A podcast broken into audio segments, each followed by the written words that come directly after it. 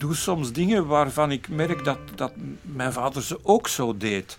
Ik, ik ben een pijproker en, en daarin heb ik mijn vader nagebootst.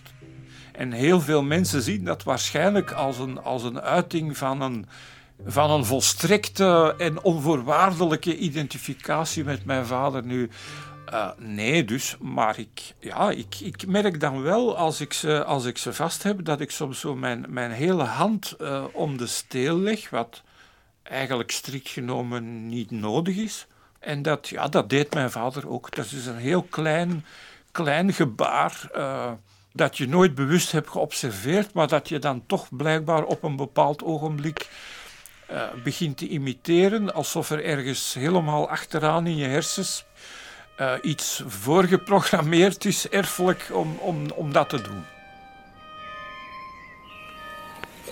Dat is heel curieus. Als kind had ik het meest van mijn moeder, ook als adolescent. Maar in het opgroeien en in het ouder worden, helaas, ontdek ik nu soms gebaren of woorden of reacties. Of gewoon, als ik bijvoorbeeld naar mijn handen kijk, dan zie ik mijn vader. Dan begin ik te zien dat meer en meer eh, de gelijkenis met mijn vader zich manifesteert. Clara en Letterenhuis presenteren Lampo en Lampo. Een vaderzoektocht.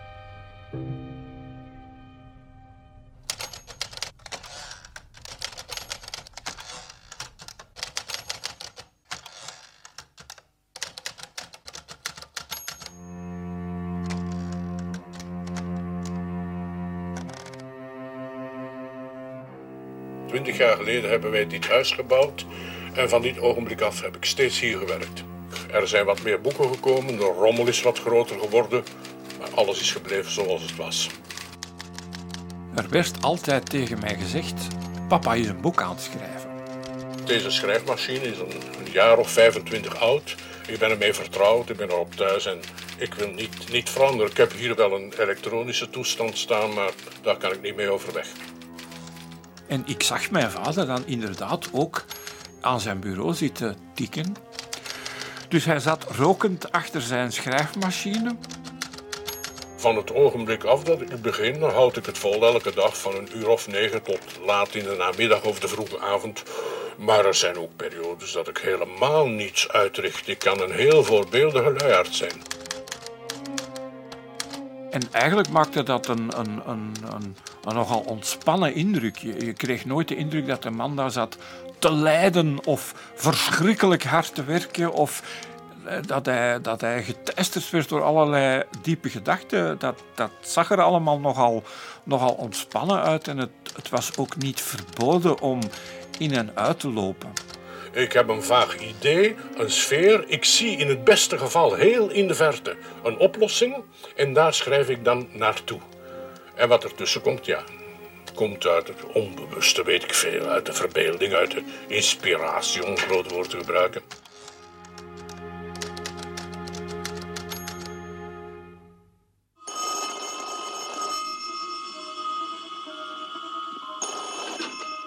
Met Groeneveld. U spreekt met Joachim Stiller. Ja? Mijn naam mag voor u geen bezoeking zijn. Eens zal ik u van alle vrees bevrijden. Dat hij schreef was niet iets gewichtigs, waar wij in de buitenwereld gewichtig over deden.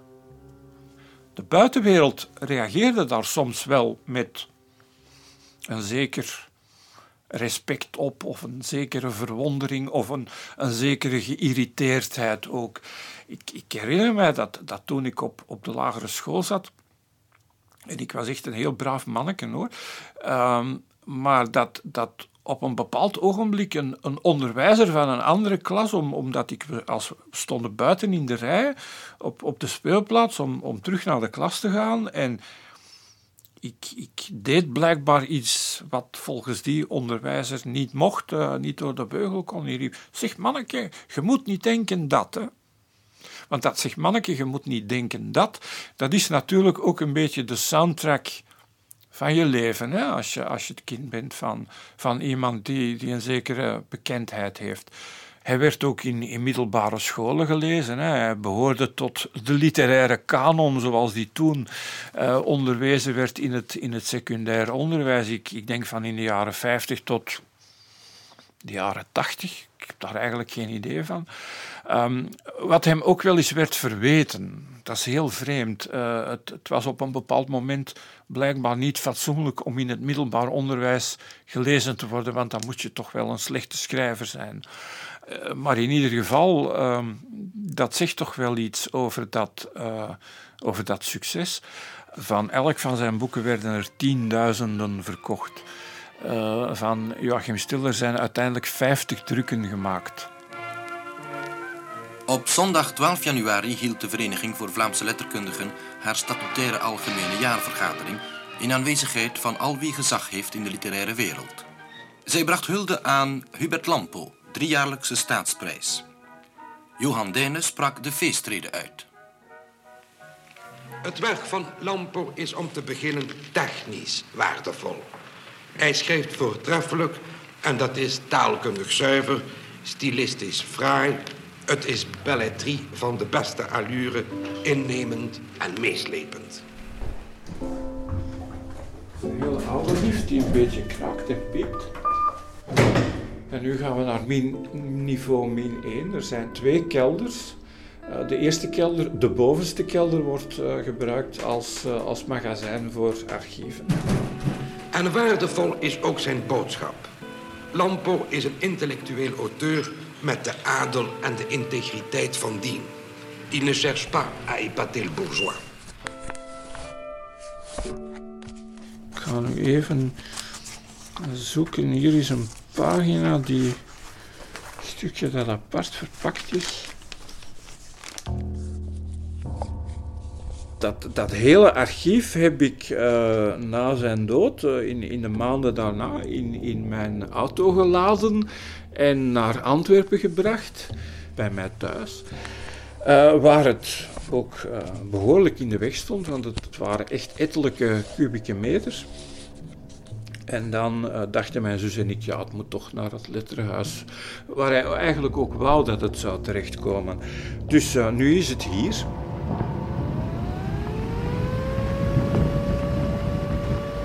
Inderdaad is de periode aangebroken van het grootste gevaar. Deze nacht hebben de luchtmacht en de landmacht van Duitsland een aanval ingezet op Nederland. Het uitbreken van de oorlog in 40 was voor mij niet alleen angst, maar was ook verdriet. Dat was het einde van een wereld waarin ik mij toch niet zo kwaad voelde als jongeman. Vader Lampo heeft hier gewerkt eh, op het eind van de oorlog. Hij moest dus lesgeven als interimleerkracht in, eh, in Antwerpse scholen, maar die waren dicht wegens de veebommen. En uh, hij, is dan, heeft hier dan onderdak gekregen van Gersmook, de toenmalige conservator. En hij heeft hier dan een poosje gewerkt. En dat was op instigatie van, uh, van Herman Terlink en van August Vermijlen, vlak voor de dood van Vermijlen.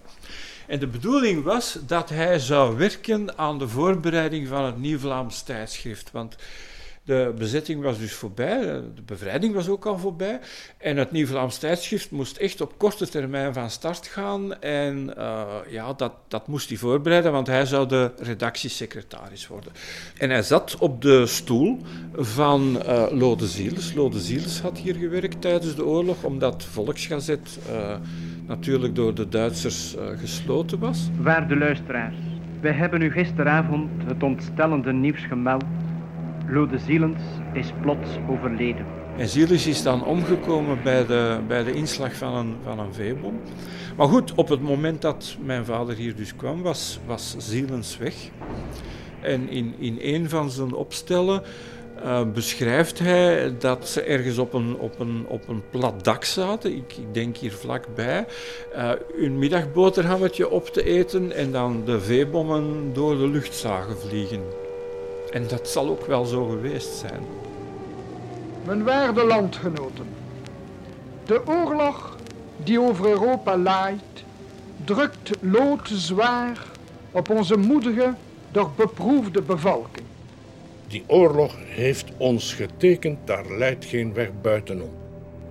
Hij brengt zwarte ellende in onze steden en vele miseries over ons platteland. En dat is ook hetgeen ons heeft gescheiden jarenlang van, van jongere generaties. Die niet volwassen waren als de, als de oorlog uitbrak. En dit is ook wat eh, mijn generatie als het ware soms de indruk geeft. Hebben mensen die de oorlog niet aan de lijve als volwassenen of nagenoeg volwassenen hebben ervaren, hebben zij wel recht nog tot oordelen.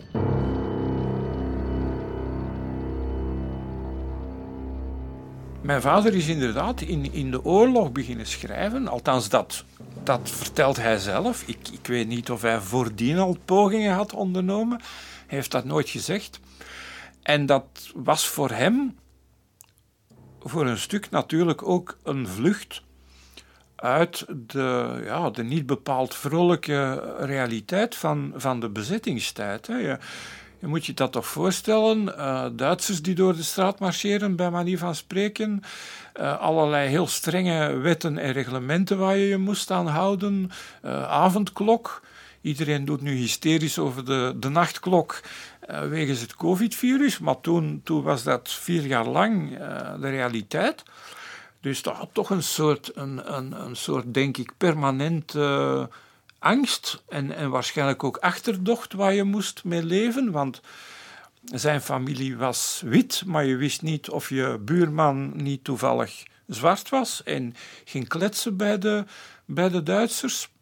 Dus ik, ik, ik denk dat hij het heel erg hard nodig had voor zijn eigen evenwicht om, om in die tijd te kunnen ja, helemaal verdwijnen in, uh, in het universum van, van wat hij schreef tijdens de oorlog konden hier normaal vrij publiceren. Dat dankten wij aan het feit eh, dat wij met een militair bestuur zaten en niet met een burgerlijk bestuur zoals in Holland. En toen reeds werd ik aangevallen uit de zeer volksverbonden hoek. En men voelde natuurlijk wel ergens hoe bescheiden dat eerste werk was, dat zij met een mm, gematigd links-humanistisch auteur of beginnend auteur hadden te doen en dat viel in geen uh, goede aarde.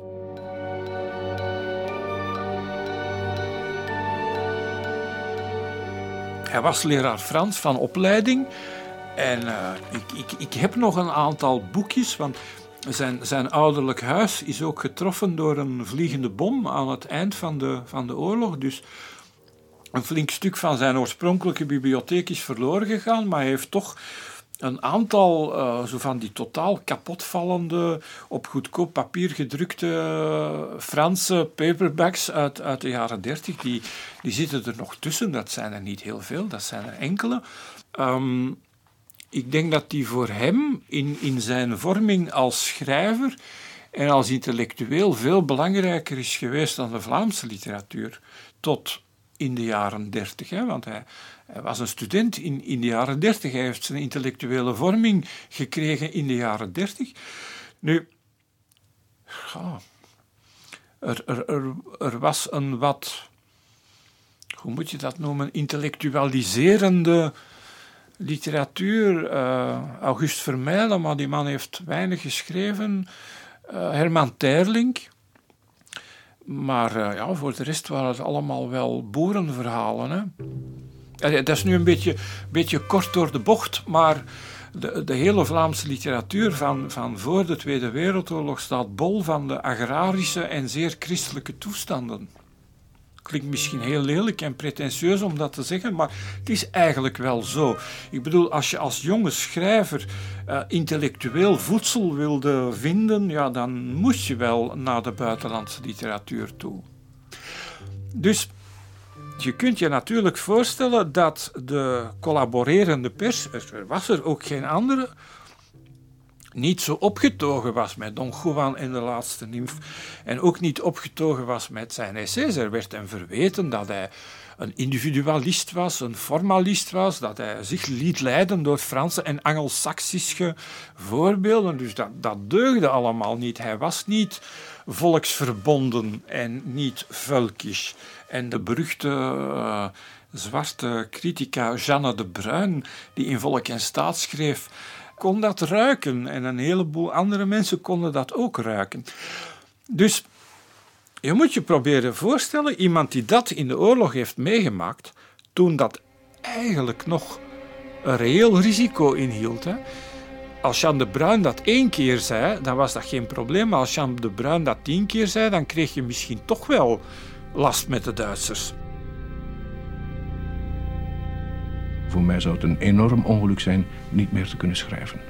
Dat zou ik verschrikkelijk vinden. Maar kom, dat zou dan ook op een volledige geestelijke desintegratie wijzen. Niet meer kunnen schrijven, dat zou ik erg vinden. Of niet meer kunnen schrijven onder invloed, laten we zeggen, van een autoritair regime dat zou ingesteld worden. Maar ik geloof niet dat we daar zo dichtbij zijn.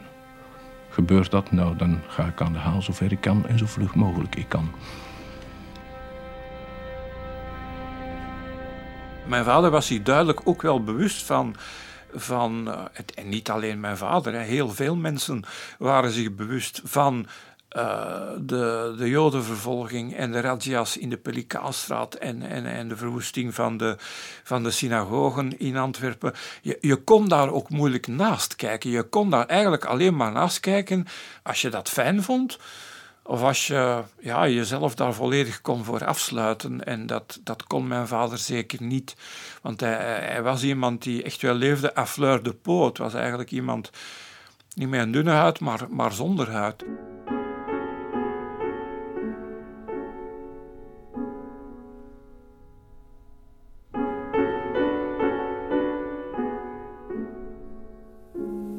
Mevrouw is het waar dat uw man eigenlijk een schuchtere natuur is? Wel, meneer Fraters, ik geloof van wel. Uh, bijvoorbeeld wanneer wij op reis gaan... zal hij nooit een hotel binnengaan om een kamer te vragen. Hij legt moeilijk contacten met mensen die hij niet kent. En er is helemaal geen pretentie mee gemoeid, dat kan ik u verzekeren. Het is gewoon een, een schroom.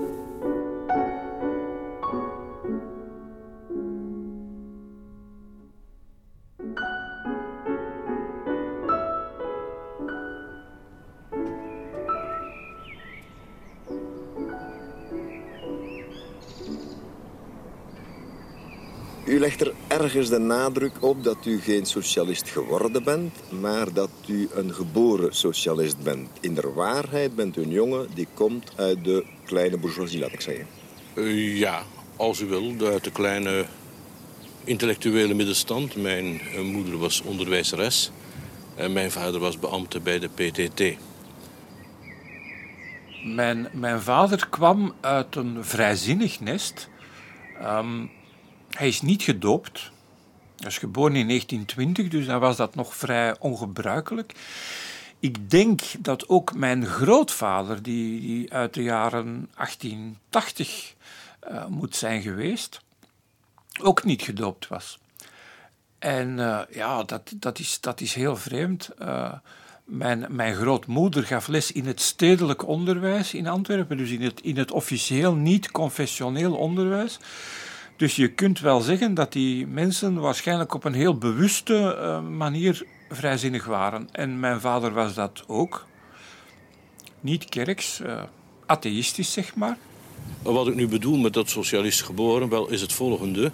Uh, ik heb altijd geleefd in een milieu dat weliswaar geen direct combatief of agerend socialistisch milieu was. Geen militant milieu, zoals dat technisch heet.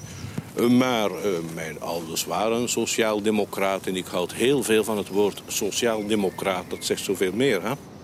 Nu, er zijn ongetwijfeld fanatieke vrijzinnigen, maar mijn vader en, en, en zijn ouders behoorden natuurlijk tot een heel kleine minderheid toen in Vlaanderen. Uh, ik, ik, ik, denk zeker als je het dan over mijn grootouders hebt, dat je kunt zeggen een infinitesimaal kleine minderheid die natuurlijk in steden zoals Antwerpen iets minder klein was dan, uh, dan op het Vlaamse platteland, maar toch.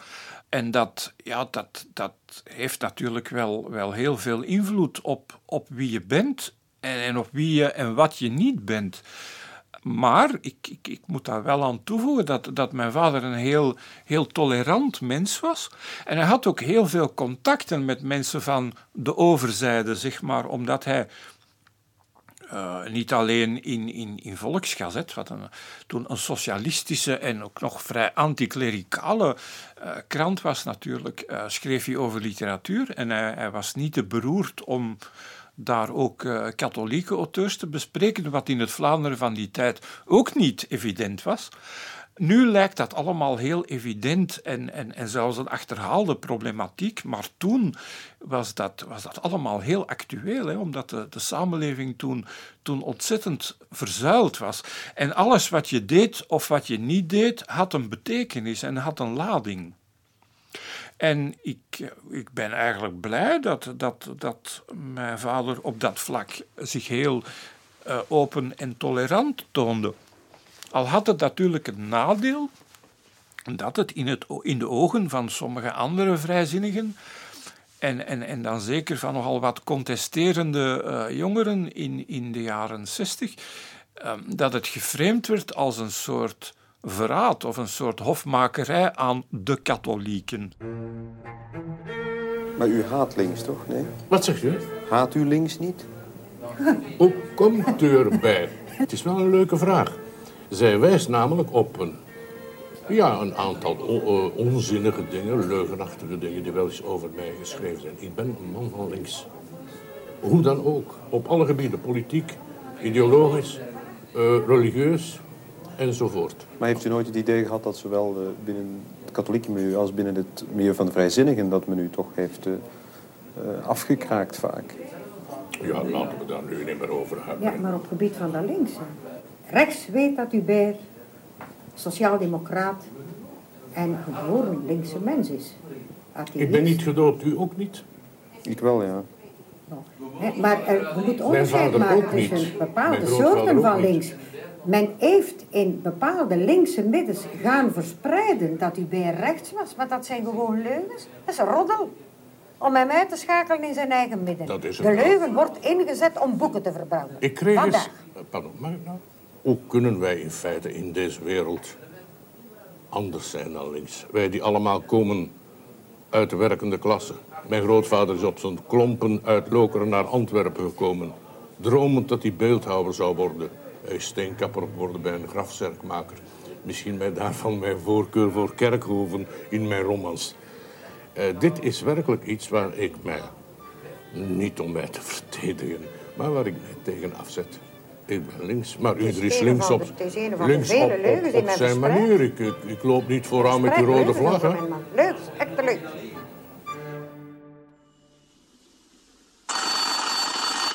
Nee, niet doen. In godsnaam, hij is het. Nee, niet doen. Hallo? Hallo, wie is daar? Joachim Stiller. Waaraan doet die naam u denken? Door het schrijven van een boek als De komst van Joachim Stiller, waarin een, ja, een enigszins messiasachtige figuur uh, optreedt en na drie dagen, stel je voor, uh, ook verdwijnt uit, uh, uit, het, uit het mortuarium. Dat, dat heeft natuurlijk een, een aantal katholieken, ik zal ze zo maar noemen, uh, op de idee gebracht van ja, met die lampo valt wel te praten. En uh, ik, ik heb dan ook uh, kunnen constateren dat zo vanaf het eind van de jaren 60, in de jaren 70, er een soort, ik zou bijna durven zeggen, pelgrimage is ontstaan van katholieke Vlaamse intellectuelen die kwamen aanbellen in Grobbendonk bij mijn pa, die daar wel blij mee was, want die, die mensen waren zijn lezers en die waren vriendelijk en die behandelden hem uh, met respect. Maar ik denk dat hij onvoldoende besefte dat sommigen onder hen toch wel een beetje uh, de onderliggende bedoeling hadden om hem te, te recupereren. Ook dat klinkt onwaarschijnlijk, maar je mag uiteindelijk niet uit het, uit het oog verliezen dat tot in de jaren 1980 katholieke publicisten.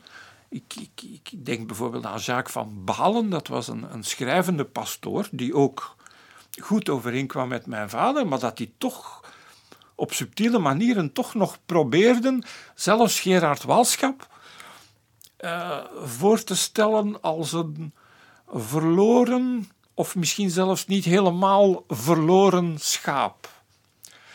Uh, ik denk alleen dat ze, dat ze onvoldoende besefte dat, dat mijn vader nooit een schaap was geweest, dat hij nooit tot de kudde had uh, behoord en hoe tolerant en hoe, hoe vriendelijk en hoe aardig hij ook was voor die, voor die mensen, ze hebben hem echt niet bekeerd. Sommigen vonden dat trouwens nodig om, om daar grapjes over te maken. Ik heb, ik heb eh, in zijn bibliotheek een boekje gevonden van iemand uh, met een opdracht uh, voor Hubert Lampo. Uh, niet omdat ik hem wil bekeren, want dat is niet meer nodig. Nu, toen ik dat zag, toen kwamen mijn nekharen toch wel enigszins overeind, want dat was wel nodig. als, je als je het zo wil zien. In feite blijf ik geloven in de mensen. Er kan nog veel in orde komen en de wereld kan nog altijd beter worden. Uh, verdenk er mij niet van dat ik voor pastoor ga spelen. Ja, dan lijkt het een beetje... Welke sympathie, jo, jo, jo, dat is allemaal goed en wel, maar dat zijn dingen die mogen gezegd hebben Beter op een pastoor als op een ik, uh, ik leer, Ja, mijn vrouw is zeer gevat. Ik lijk liever op een pastoor uh, dan op een gangster, Een goede pastoor, inderdaad. hè? Op een goeie, hè? Ja, Luc, uh, kom, kom, kom, kom. Stop. Luister, voor Martin is dat ook niet prettig, hè, dat je de boot in de war schopt.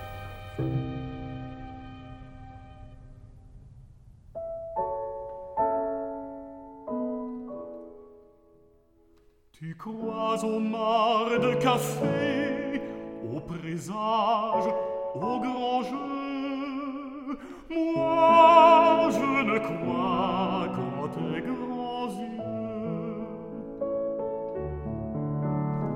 oiseau conte de fées, aux jours néfastes, aux songes. Moi, je ne crois qu'en tes mensonges.